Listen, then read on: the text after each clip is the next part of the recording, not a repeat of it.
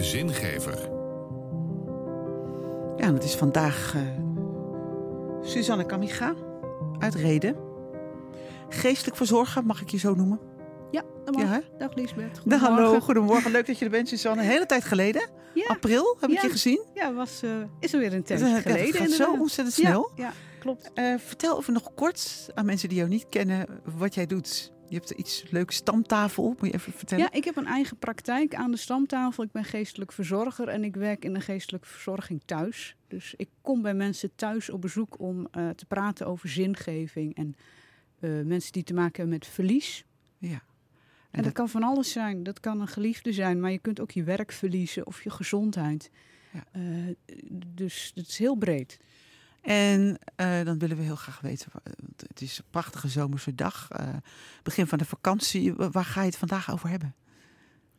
Ik eh, ga het hebben over dansen. Dansen in gebrokenheid. Zakdoeken en klompen. Wat hebben ze met elkaar te maken? In het theaterstuk East Side Story komen aan het einde Molukse zakdoeken en Hollandse klompen samen in een dans.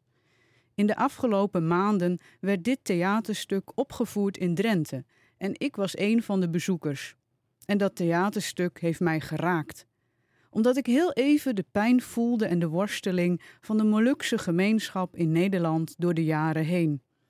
In de bus naar de Schattenberg hoorde ik de gids vertellen over het dienstbevel om naar Nederland te komen en het ontslag nota bene op de boot van de dienstplichtigen.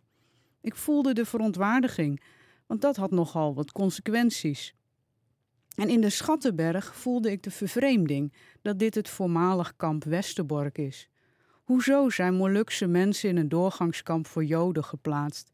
Wat bezielt je dan als overheid?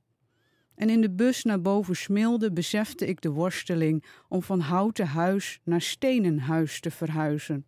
Het zouden immers slechts zes maanden zijn in Nederland. In Bovensmilde zag ik de worsteling en confrontatie van Molukse en Nederlandse gemeenschap, met op het einde een dans van Molukse zakdoeken en Hollandse klompen. Molukkers en Nederlanders, jong en oud, ambtenaar en burger. Zij dansten samen in het theaterstuk en tegelijk als echte mensen in het hier en nu. Dat dansen en de wil om samen te dansen ontroerde mij. Ik zag de worsteling en de confrontatie en ik zag gebrokenheid.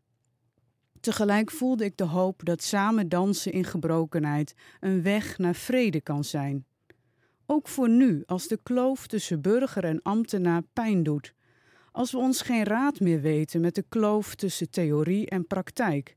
En drama's als bijvoorbeeld de kinderopvangtoeslagenaffaire blijven doorgaan. En dan juich ik de worsteling van ambtenaren toe, de beweging van actie en misschien wel rebellie dan word ik blij van hedendaagse denkers die een kloof kunnen omdenken naar een ruimte. Of een baarmoeder waarin creativiteit kan ontstaan. Een ruimte waarin we kunnen dansen, plek van nieuw beginnen. En dan roep ik graag op om te dansen, te dansen met het onbekende. Dat doet pijn en dat is eng, maar het kan. Het theaterstuk East Side Story laat het zien, heeft mij laten voelen dat het kan. Gedupeerde ouders van de kinderopvangtoeslagenaffaire van dat schandaal laten mij het zien als ze vol lef in gesprek gaan met ambtenaren.